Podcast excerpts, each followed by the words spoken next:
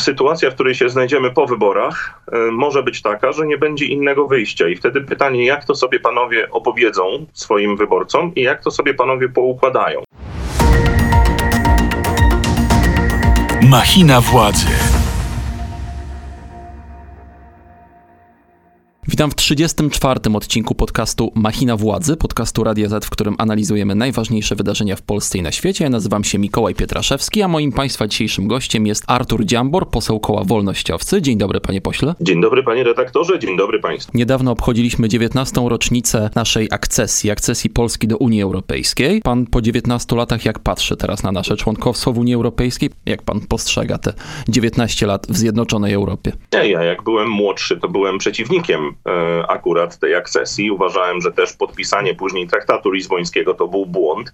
No i z perspektywy czasu oczywiście trzeba powiedzieć, że no, są plusy i są też minusy. I było, żebyśmy analizowali je razem, a nie żeby, żebyśmy dyskutowali tylko o tym, jak to pięknie, że trawa jest zielona, bo to wszystko dzięki Unii Europejskiej. Nie, no po prostu od samego początku uznawałem, że Unia Europejska nie powinna funkcjonować tak, jak funkcjonuje dziś, jako ten taki biurokratyczno-administracyjny potworek, który buduje się w przyszłość y, jako superpaństwo unijne kontrolowane przez Komisję Europejską. To jest właściwie bardzo proste. Ja zawsze uważałem, że Unia Europejska to powinna być wspólnota państw niepodległych, które e, no, mają y, otwarte granice, nie mają problemu żadnego z przepływem towarów, usług, ludzi, dóbr, e, studentów i tak dalej, tak? Nie mają granic, zasieków i takie tam mm, wszystkie tego typu rzeczy, które znamy z, z przeszłości. E, nie mają też ustalonych między sobą żadnych ceł, żadnych dodatkowych opłat w tej wymianie towarowej, usługowej,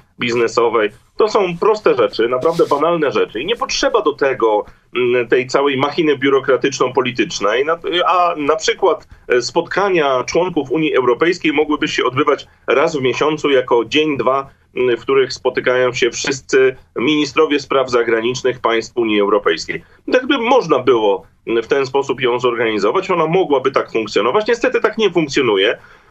I niestety dlatego mam do niej masę pretensji. Głosuję przeciwko bardzo wielu ustawom, które narzuca nam Unia Europejska jako swoje dyrektywy, ponieważ uważam, że jednak suwerenność państwa i suwerenność naszych decyzji, jakiekolwiek one by nie były, no warto mieć jednak po swojej stronie, a nie po stronie jakiegoś komisarza unijnego, który w Polsce nigdy nie był i nigdy pewnie nie będzie. A kto w takim razie, jakie sektory uważa pan, że powinny być wyjęte spod jurysdykcji europejskiej i przeznaczone do jurysdykcji krajowej? No ja uważam, że Unia Europejska, tak jak już tutaj we wstępie powiedziałem, w ogóle nie powinna ingerować w politykę. Co pan to przez to rozumie? Kwestie społeczne, kwestie gospodarcze, kwestie obronnościowe i kwestie sądownicze. Wszystko to, co mówi o ustroju państwa. Państwa Unii Europejskiej się różnią. Dążenie Unii Europejskiej jest takie, żeby wszystkie państwa były taką magmą, mm, żebyśmy tak naprawdę byli tylko prowincją jakąś do tej gigantycznej machiny, którą zarządzają sobie Niemcy z pomocą Francji. I tutaj no, mm, trzeba powiedzieć, że oczywiście fajnie, że, że istnieją takie związki międzypaństwowe. Przecież mamy tak samo NATO, a akurat NATO przecież to jest związek mm, państw, które e, wspólnie się bronią przed agresorem i akurat tutaj należy powiedzieć, że, że no to jest dobry związek właśnie, w którym my w dobry sposób korzystamy z tego i mam nadzieję nigdy nie będziemy mieli potrzeby, żeby skorzystać tak, jak to rzeczywiście mm, zostało zaplanowane, czyli nigdy nie dojdzie do agresji na nasze państwo. W przypadku Unii Europejskiej jest tak, że Unia Europejska już teraz dzisiaj mm, buduje wokół siebie taką sytuację, że no, mamy unijne podatki, już mamy unijne pożyczki, Mm, za chwilkę będziemy mieli unijnych samych praw. Zresztą jak pan spojrzy na obrady naszego polskiego Sejmu, no to nie ma takiego miesiąca, żebyśmy nie uchwalili co najmniej 3, 4, 5 dyrektyw unijnych, czyli unijne prawa, które zostały nam w Polsce wrzucone. Niektóre są dobre, niektóre pomagają, a niektóre niestety nie są dobre, ale i tak trzeba się na nie zgodzić, no bo jesteśmy członkiem Unii Europejskiej, więc musimy być grzeczni, musimy robić to, co Unia Europejska każe. Ja uważam, że tak nie powinno być. Ja uważam, że państwa powinny się właśnie różnić między sobą systemami sądowniczymi, społecznymi zasadami współżycia. Czyli na przykład w tym sporze sądowniczym pomiędzy obecnym mhm. polskim rządem a Brukselą raczej stałby pan po stronie rządu? Czy niekoniecznie, niekoniecznie takiej prostej dylemat. analogii nie można wytworzyć? Nie, e, tutaj mam pewien dylemat, ponieważ z jednej strony problem jest taki, że no, Prawo i Sprawiedliwość w tragiczny sposób zarządza sądownictwem, wręcz doprowadziło do tego, że tak zwana reforma sądownicza polegała na wywaleniu tamtych, a wpuszczeniu naszych. I to w wielu niestety dziedzinach, bo to sądownictwo to nie jest takie proste. Musielibyśmy osobno mówić o Trybunale, osobno o Sądzie Najwyższym, osobno o sądach rejonowych i tak dalej. I o prokuraturze przede wszystkim, która jest całkowicie pod butem prokuratora generalnego przy okazji ministra sprawiedliwości i przy okazji prezesa jednej z partii członkowskich e, rządu. A z drugiej strony nie chciałbym, żeby Unia Europejska układała nam życie i układała nam świat i mówiła nam, jak my mamy sobie tutaj w Polsce radzić, żebyśmy byli godnymi e, zasiadania przy wspólnym stole. Więc jak to w takim problem. razie połączyć? No, połączyć to w ten sposób, że no, odsunąć Prawo i Sprawiedliwość od władzy i doprowadzić do pewnego resetu e, w systemie sądownictwa akurat, niekoniecznie pod dyktando Unii Europejskiej, no akurat Unia Europejska zareagowała dobrze tam, gdzie ja też uważałem, że powinno być inaczej, czyli w przypadku Izby Dyscyplinarnej, tak? To znaczy zgadzaliśmy się co do tego, co, co Unia Europejska stwierdziła, że Izba Dyscyplinarna, która jest de facto takim sądem kapturowym Prawa i Sprawiedliwości nad sędziami, którzy im nie pasują, e, mieliśmy dokładnie te same uwagi, co Komisja, Komisja Europejska, więc tutaj można powiedzieć, że no tak, żeśmy się zgadzali, ale to nie wynikało z tego, że my się zgadzamy z unijnymi decyzjami, tylko po prostu my od początku mówiliśmy, że tak nie powinno to wyglądać. Czy w takim razie, skoro mówi pan o zachowaniu pewnej suwerenności, pewnej autonomii, pan by nie był na przykład zwolennikiem wejścia Polski do strefy euro? To oczywiście nie, jest dość mglista perspektywa w najbliższych latach, ale gdyby tak. coś takiego miało waluta, się wydarzyć? Waluta polska moim zdaniem jest y, pewną wartością, którą my powinniśmy utrzymywać i pielęgnować jak najdłużej. Mm, jednak to, że my, my sami kreujemy swój, y, swój pieniądz, y, też jest dużą wartością. To też mówi o naszej suwerenności, o naszej odrębności. Wejście do strefy euro dla nas jest y, o tyle trudne, że no, my jesteśmy jednak krajem, który cały czas ma taniego pracownika, tańszego pracownika w porównaniu do zachodnich państw Unii Europejskiej.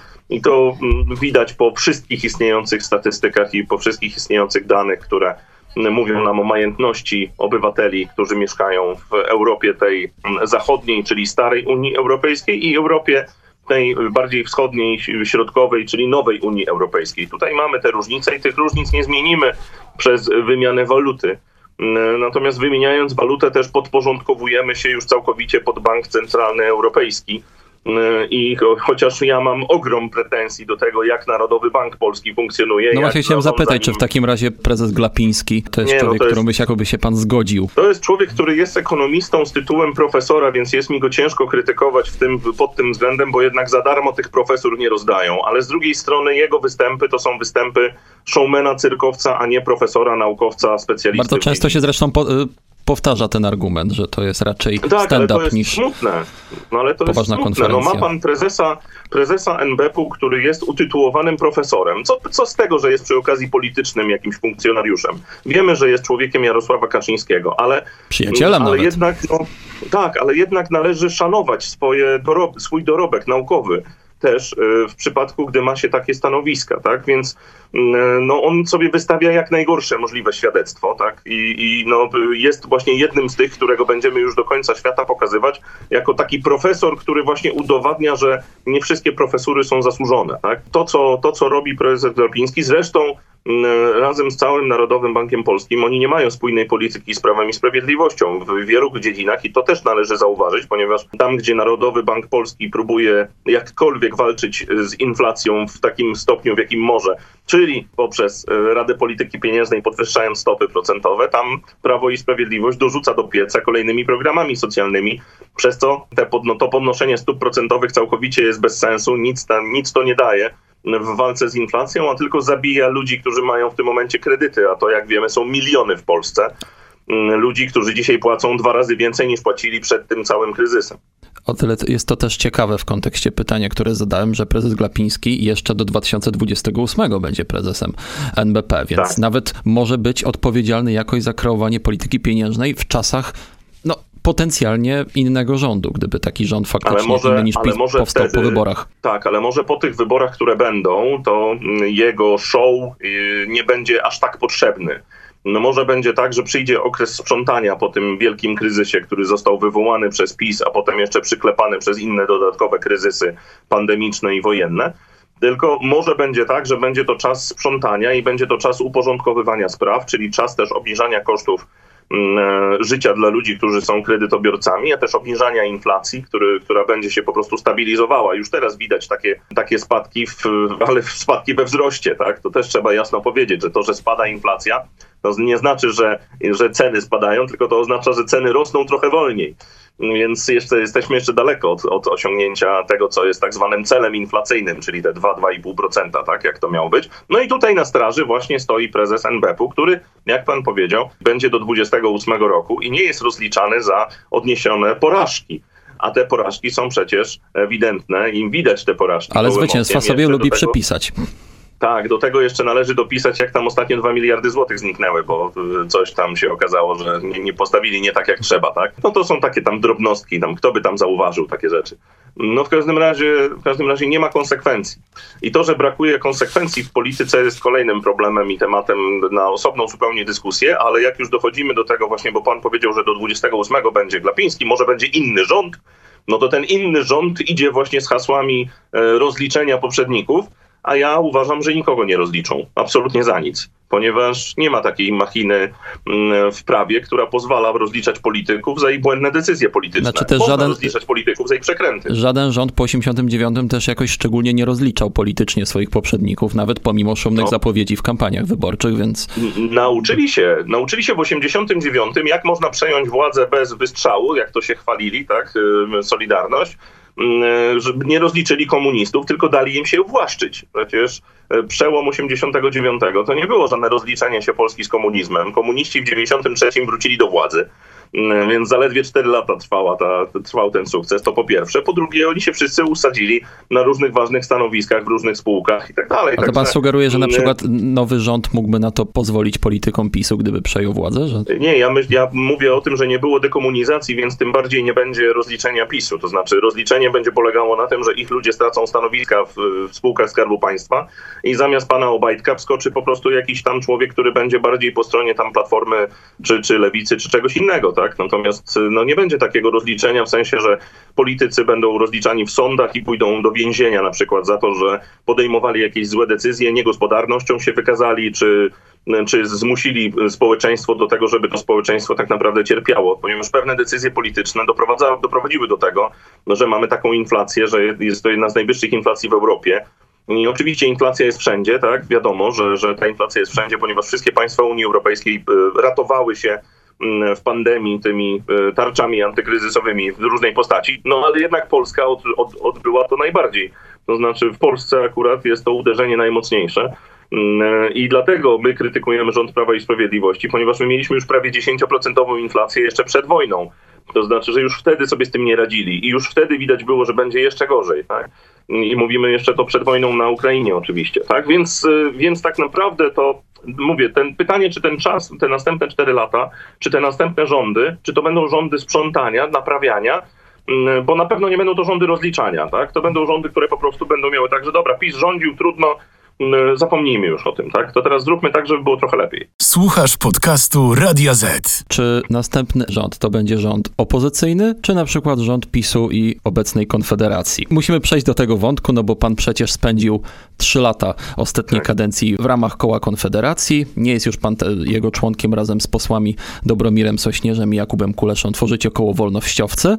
No ale zakładam, że ma pan jeszcze coś ciekawego do powiedzenia na temat byłych kolegów. I moje pierwsze pytanie jest takie, czy koalicja PiS-Konfederacja po tegorocznych jesiennych wyborach jest możliwa, jest prawdopodobna?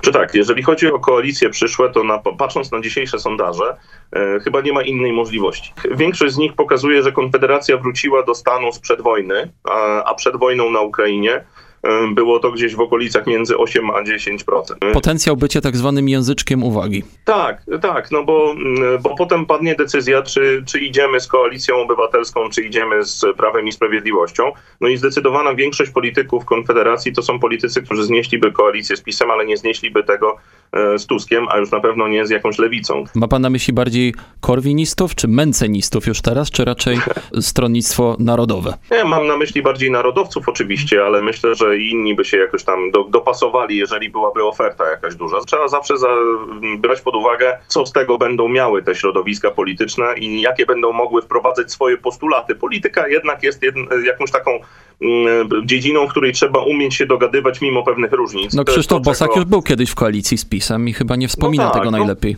No, nie wspomina tego najlepiej, ale no dlatego może być bardziej ostrożny, ale to nie ma większego znaczenia. Znaczenie będzie miało to, czy dana partia w danej koalicji będzie mogła realizować swoją politykę i będzie mogła wprowadzać zmiany, o których mówiła i z którymi szła do wyborów i przedstawiała je wyborcom. Czyli w przypadku Konfederacji co to będzie? No nie wiem, ale wyobrażam sobie, że jednak Konfederacja, no przede wszystkim Sławomir Mencen, który funkcjonuje, sam chce funkcjonować yy, jako człowiek od yy, obniżania i upraszczania podatków, że rzeczywiście takie podatki by obniżył albo uprościł. Ja pamiętam Zytę Gilowską, która, świętej pamięci, która przechodziła z Platformy do PiSu właśnie po to, żeby w Ministerstwie Finansów y, być tym liberałem, który będzie upraszczał podatki i potem po tygodniu, dwóch powiedziała, no szanowni państwo, niestety chciałam, ale nie da się. Mm, i jedyne co zrobiła to składka rentowa. Chwała jej za to, że to zrobiła, bo faktycznie była to duża zmiana. Natomiast obawiam się, że tutaj też może być taki problem, ponieważ jedyna szansa, żeby obniżać rzeczywiście jakoś podatki i upraszczać je, to jest też przy okazji redukcja mm, tych wszystkich programów tak zwanych socjalnych, które Prawo i Sprawiedliwość sobie wymyśliło, żeby utrzymywać się u władzy. Jednak trzeba to też brać pod uwagę, że Prawo i Sprawiedliwość, oni doskonale wiedzą, że są tak bardzo intelektualnie nieestetyczni, że musieli wymyśleć jakiś sposób, żeby przekonać do siebie większościową grupę wyborców. I ta większościowa grupa wyborców została przekonana przez y, po prostu przekupstwo no, polityczne, przez gotówkę. Tak? No to gdzie tutaj w takim razie Sławomir Mencen i jego wolnorynkowe, antysocjalistyczne poglądy i li postulaty likwidacji części miejscu, podatków? Ale to wie pan co, to w tym samym miejscu myślę w Prawie i Sprawiedliwości, w którym będzie Kukiz, który jest e, prodemokratyczny bardzo i tam demokracja bezpośrednia, co jest akurat naszym wspólnym poglądem. E, a wiem, że Prawo i Sprawiedliwość jest skrajnie po drugiej stronie. E, to samo miejsce ma tam Zbigniew Ziobro, który jest e, super antyunijny, gdy wiemy doskonale, że całe Prawo i Sprawiedliwość jest partią prounijną, realizującą plan polityczny mm, władz Unii Europejskiej. Mm, to nie jest może prosty mariaż, ale to jest mariaż jak najbardziej możliwy, jeżeli będzie uczciwa umowa, że coś tam robimy. Ja pamiętam, jak nie wiem, Roman Giertych, który dzisiaj jest po zupełnie drugiej stronie, był ministrem edukacji. Był. I też było tak, że on po prostu dostał Ministerstwo Edukacji i mógł robić w tym Ministerstwie Edukacji co chce. Mm, ponieważ taki miał układ z Prawem i Sprawiedliwością, Czyli na przykład on realizuje swoje Sławomir Mencen mógłby dostać Ministerstwo Finansów i robiłby w nim co chciał? No nie wyobrażam sobie, żeby co chciał, ponieważ musiałby jednak zmagać się z Mateuszem Morawieckim, ale wyobrażam sobie, że wchodzi do Ministerstwa Finansów człowiek, który ma wolnorynkowe poglądy i rzeczywiście próbuje jakoś te stajnie Augiasza uporządkować. Wyobrażam sobie to samo w Ministerstwie Edukacji, którym ja się najbardziej interesuję i zajmuję że rzeczywiście przyjdzie ktoś, kto będzie wizjonerem, na tyle wizjonerem, żeby pozwolić na to, żeby edukacja w Polsce się mm, rozwijała poprzez właśnie dozwol do, dozwolenie do tego, żeby były alternatywne systemy obok tego systemu, który w tym momencie mamy, bo ten system, który w tym momencie mamy, niestety jest no, przestarzały, archaiczny i nieefektywny już i wszyscy o tym doskonale wiemy.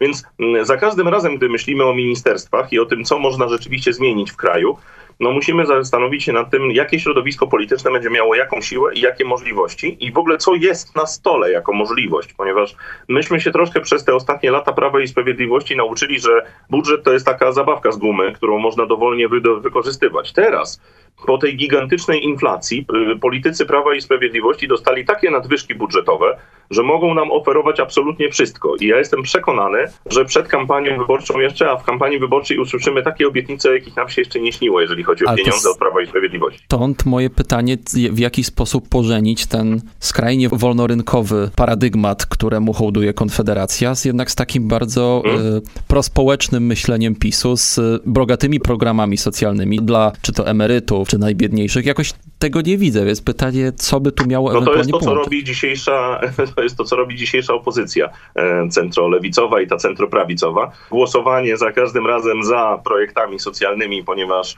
no co, co tam powiedzą nasi wyborcy, jak my zagłosujemy przeciwko, ale za to głosowanie przeciwko podwyższaniu wszystkich istniejących podatków, danin, opłat i tak dalej, tak? No to się nie da do końca tak robić, jak się rządzi, tak? Jak się rządzi, to niestety trzeba jedno i drugie. Więc nie wiem, jak to będą próbowali pogodzić. Ja uważam, że jednak powinniśmy usiąść do poważnej debaty o tym, że no, e, Prawo i Sprawiedliwość bawiło się budżetem, doprowadziło do gigantycznej inflacji, do ogromnej drożyzny, do tego, że ludzie zbiednieli realnie. Więc teraz no, zróbmy tak, jak, jak kiedyś był plan Balcerowicza, tak? gdzie trzeba było no niestety troszkę pociągnąć za, za, za i powiedzieć, dobra, ale teraz spróbujmy zrobić to odpowiedzialnie. I to zrobić to odpowiedzialnie, to nigdy nie będą gigantyczne przełomy takie z dnia na dzień, tak? To wiadomo, że że to jest proces, ale ten proces musi być wykonywany przez ludzi, którzy mają bardziej wolnorynkowe podejście niż Prawo i Sprawiedliwość, niż ludzie z Prawa i Sprawiedliwości czy z Lewicy, ponieważ y, no, ten socjalizm galopujący, który oni rozpędzili już do, do, do takich no, rozmiarów no, PiS by się raczej obraził na takie sformułowanie. Kto by się obraził? PiS że socjalizm. I oni, ale to, to jest partia socjalistyczna, to jest partia narodowo-socjalistyczna. Prawo i Sprawiedliwość to jest y, partia, która nie ma nic wspólnego z wolnym rynkiem, a z prawicą mają tyle wspólnego, że y, po prostu no, pokazują się w kościołach od czasu do czasu. To pana zdaniem faktycznie taka koalicja, konfederacja PiS jest możliwa i czy ma pan jakieś informacje, że nie wiem, trwają przygotowania, jakieś takie podchody do tego, żeby ewentualnie taki sojusz zawrzeć, gdyby arytmetyka sejmowa do tego prowadziła? Ja uważam, że taka koalicja jest możliwa i o tym mówię głośno w mediach. Ja byłem przeciwnikiem jakichkolwiek tego typu akcentów i też zawsze deklarowałem, że nie ma mowy że taki, do takiego mariażu nie dojdzie, bo on będzie bardzo trudny i właśnie no, nie wyobrażam sobie pod tym względem, że no, to wszystko, o czym tutaj rozmawialiśmy, to byśmy żyli w świecie, w którym Mateusz Morawiecki i, i Jarosław Kaczyński wycofują się ze wszystkiego, co wprowadzili. Natomiast, natomiast rzeczywiście sytuacja, w której się znajdziemy po wyborach, może być taka, że nie będzie innego wyjścia. I wtedy pytanie, jak to sobie panowie opowiedzą swoim wyborcom i jak to sobie panowie poukładają. Ja żadnych informacji wewnętrznych tutaj nie powiem, nie mam, bo to są takie no, rzeczy, o których my sobie mówimy na zasadach politologicznych bardziej niż na zasadach, że panowie są dogadani. Dzisiaj na zewnątrz wiadomo, że każdy każdego będzie atakował. Natomiast tak jak tutaj zaczęliśmy rozmowę, powiedziałem, że polityka to jest sztuka kompromisów i jeżeli jakaś partia myśli poważnie o rządzeniu, to będzie musiała też myśleć o tym, mm, ile ze swojego programu będzie w stanie zrealizować, gdy będzie mówiła o rządzeniu, a dzisiaj wszystko wskazuje na to, że Prawo i Sprawiedliwość nie będzie w stanie samodzielnie rządzić, ani Donald Tusk nie będzie w stanie samodzielnie rządzić. Więc będzie giełda jednak yy, yy, rządowa, i na tej giełdzie rządowej będą najważniejsi, będą mniejsi gracze, a nie te dwie główne partie, które dominują na scenie politycznej, bo te dwie główne partie będą musiały znaleźć partnerów i czymś tych partnerów zadowolić, a czym nie wiem. Jest panu trochę smutno, że pan nie jest w Konfederacji w sytuacji, kiedy ona zwyżkuje w sondażach, albo przynajmniej osiąga takie notowania sprzed czasów wojny, o których pan mówił. To tak jakby pan mnie zapytał, czy jest panu smutno, jak pan patrzy, jak pana była dziewczyna teraz jest szczęśliwa z mężem, ma dwójkę dzieci, domek. I, no mniej więcej tak to zabrzmiało, tak. No tak, ale to nie, ja im życzę, ja im życzę szczęścia, ale no, nie, niech, to, niech to będzie tak, że no, ten rozdział zamknęliśmy, oni nie chcieli ze mną dalej współpracować, to jest ich wybór, ich sprawa, ich problem. Ja sobie natomiast y, próbuję, y, próbuję ułożyć y, politykę poza Konfederacją i już z dala od Konfederacji, w tym momencie w konkurencji do Konfederacji i to też już trzeba rozumieć. No niestety tak to czasem bywa, w życiu i w polityce również, że się ludzie do siebie nie dopasowują i tyle. To jeszcze tylko ostatnie pytanie, już takie bardziej personalne. Czy pana zdaniem Sławomir Mencen to jest postać, która może na tej scenie politycznej trochę pozostać i namieszać, czy jednak niekoniecznie? Bo z jednej strony jest to człowiek, który lubi powiedzieć coś ostrego, chwytliwego, mhm. już nie tylko piątka Mencena, ale też te 100 ustaw Mencena, generalnie takim prostszym językiem, a z drugiej strony jednak y, przyciśnięty przez dziennikarzy w wywiadach mówi, nie pamiętam o tej ustawie, hosting wygasł. Tak. No właśnie zastanawiam się, czy tak się buduje wiarygodność w polityce. Oprócz tego, że jest gwiazdą mediów społecznościowych, TikToka, Instagrama, to też był przez część komentatorów i ekspertów niemalże namaszczony na takiego nowego Korwina, właśnie nowego guru e, prawicy. E, bardzo łatwo e, się tworzy TikToki, czy nagrywa się filmiki, które są tak ustawione, jak ja bym chciał, żeby one były ustawione. To jest wtedy wiadomo, że, że wszystko, jest, wszystko, co powiem, powiem tylko to, co mam ochotę powiedzieć i powiem w taki sposób, w jaki mam ochotę powiedzieć. A gdy jesteśmy nawet na takim wywiadzie, na jakim jesteśmy teraz, to pan zadaje pytanie i to ja się muszę dostosować. I ja tych pytań Bez wcześniej wątpienia. nie miałem, więc ja muszę na szybko reagować i wiedzieć doskonale, że będę potem pytany i uderzany za to, co powiedziałem, tak?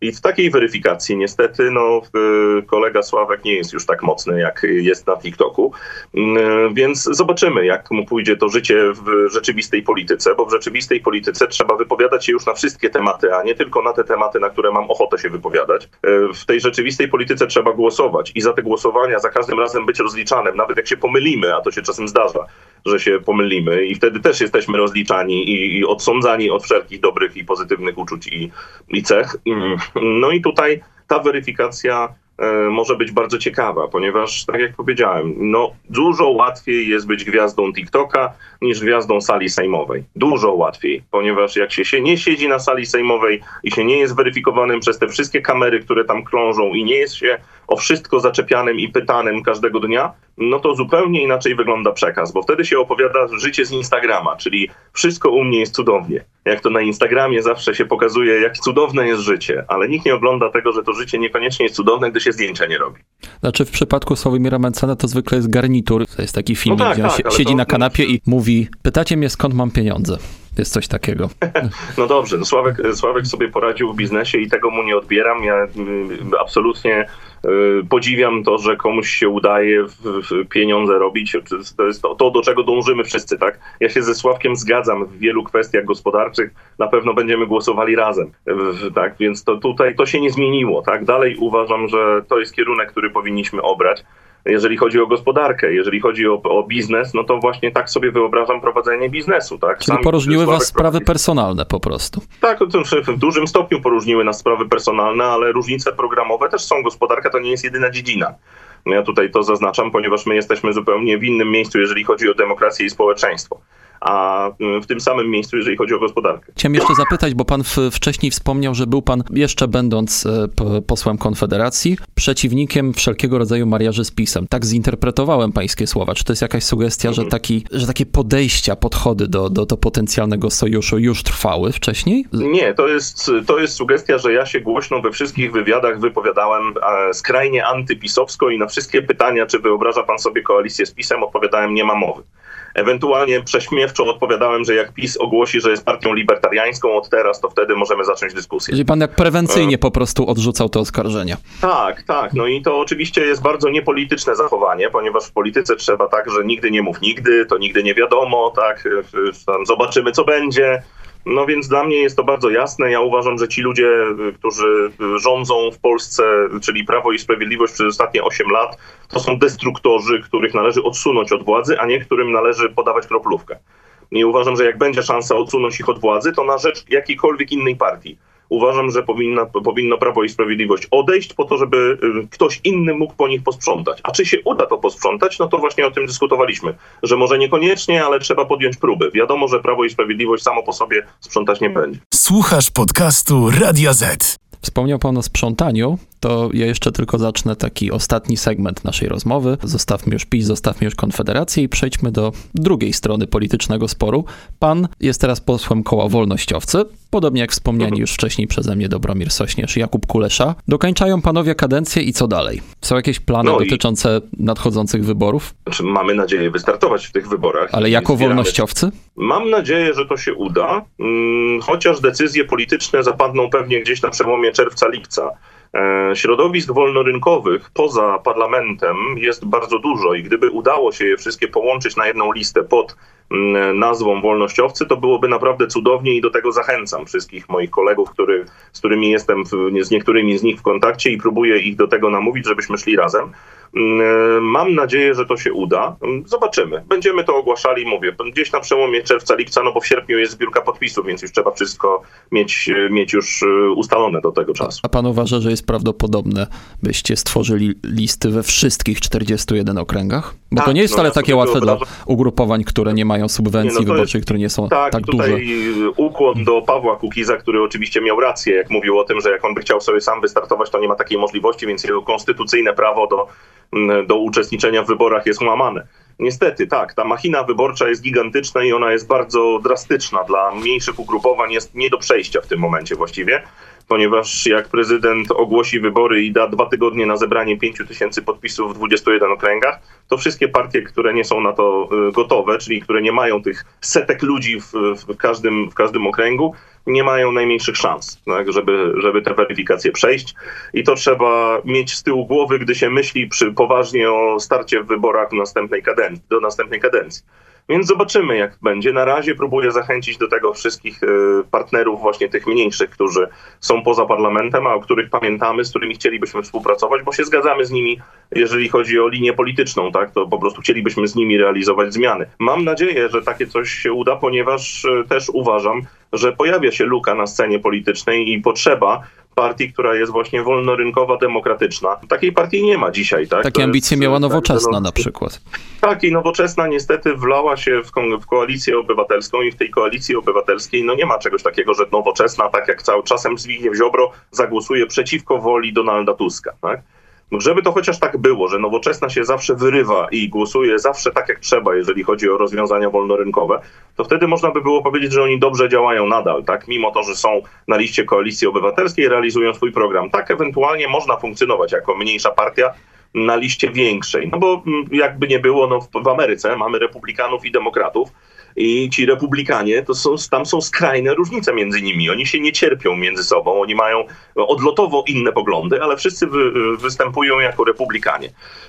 I taką, takie coś sobie wyobrażam w polskiej polityce oczywiście, natomiast, natomiast rzeczywiście później no, jest ta weryfikacja w głosowaniu jak się głosuje, no to się okazuje, że niestety, ale no niekoniecznie jest tak kolorowo, jakby się chciało, żeby było. Jakby mówimy o sobie, że jesteśmy liberałami, no to trzeba być tymi liberałami zawsze, a nie tylko czasem. A to może w takim razie sygnał, że skoro nie jest tak łatwo zebrać te środowiska, nie jest tak łatwo zebrać te wszystkie podpisy we wszystkich okręgach, to może warto się przyłączyć do jakiegoś większego gracza. Nie wierzę, że pan o tym nie myślał i nie wierzę, że nie było propozycji ze strony już funkcjonujących na polskiej scenie politycznej ugrupowań, żeby tutaj przygarnąć Dziambora na listę na przykład, albo wolnościowców ale ogólnie. ale o takich rzeczach, panie redaktorze, to się rozmawia po, a nie przed. Tak? Ale czy jest jakaś sugestia, że coś może było? Jest sugestia, że ja na pewno chciałbym wystartować w wyborach. Tak? Nie chciałbym zostać w domu. Jest, byłoby to dla mnie naprawdę smutne, gdybym został zmuszony do tego, żeby obserwować wybory z fotela y, przed telewizorem. A jest panu tak, blisko do któregokolwiek z tym momencie z funkcjonujących ugrupowań? Nie wiem, czy może zainteresował się pan ostatnio sojuszem PSL-u z Polską 2050, czy może koalicja agrounii z porozumieniem? Mówię o takich, które rzeczywiście jakoś tam ze sobą się połączyły i połączyły szyki. Tak próbuje mnie pan teraz podejść od drugiej strony. Próbuję, próbuję. Jak już pobawmy się w politologów, rzeczywiście sojusz, e, sojusz Hołowni z PSL-em, a jedno, przy jednoczesnej odmowie tworzenia jednej wielkiej listy oznacza, że panowie wreszcie poważnie podeszli do metody Donta i zaczęli ją liczyć.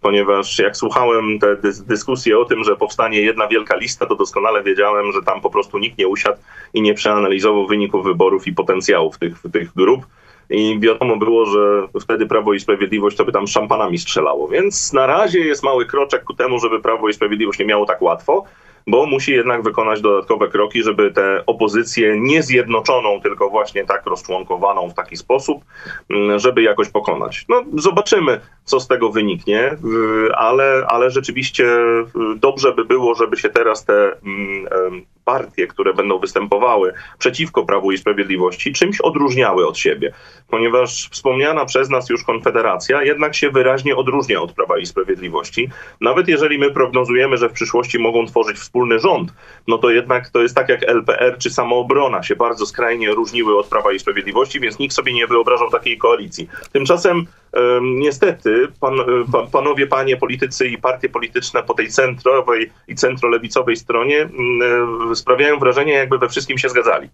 Więc, ale się odróżniają od PiS, tego pan nie może powiedzieć, że to jest jednak mimo no wszystko dobrze, zblatowanie ale, ale, ideologiczne. Ale, ale antypisem się nie da wygrać. Tak? To y, naprawdę nie da się wygrać wyborów tym, że jest się antypisem. To jest y, nie dość, że infantylne i odmurzające, to jeszcze w dodatku, no ja jednak żądam tego, żeby partia polityczna miała jakiś konkretny plan i żeby ten plan potrafiła zrealizować, gdy rządzi. Prawo i Sprawiedliwość, co by o nich nie powiedzieć złego, to trzeba im przyznać, że oni realizują swoje cele. To znaczy nie można im zarzucić tego, co zarzucano rządowi Platformy Obywatelskiej, że Platforma obiecuje i nic nie robi. PiS obiecuje i faktycznie robi, tylko niestety Niestety, ponieważ to, co robi PiS, to nie jest wcale dobre dla nas wszystkich, to jest tylko dobre głównie dla PiSu, tak i dla jego elektoratu. I tym akcentem kończymy naszą dzisiejszą rozmowę. Moim Państwa gościem w 34. odcinku drugiego sezonu podcastu Radia Z Machina Władzy, podcastu, w którym analizujemy najważniejsze wydarzenia w Polsce i na świecie, był poseł Koła Wolnościowcy, były poseł Konfederacji Artur Dziambor. Dziękuję panu, panie pośle. Dziękuję panu, dziękuję państwu Tymczasem słuchajcie nas na Playerze Radia Z, na YouTubie, w serwisach streamingowych takich jak Spotify, Apple Podcast czy Google Podcast. Ja nazywam się Mikołaj Pietraszewski. W następnym odcinku spotka się z wami mój serdeczny kolega Błażej Makarewicz. Dziękuję, do usłyszenia. Machina władzy. Więcej podcastów na player radioz.pl.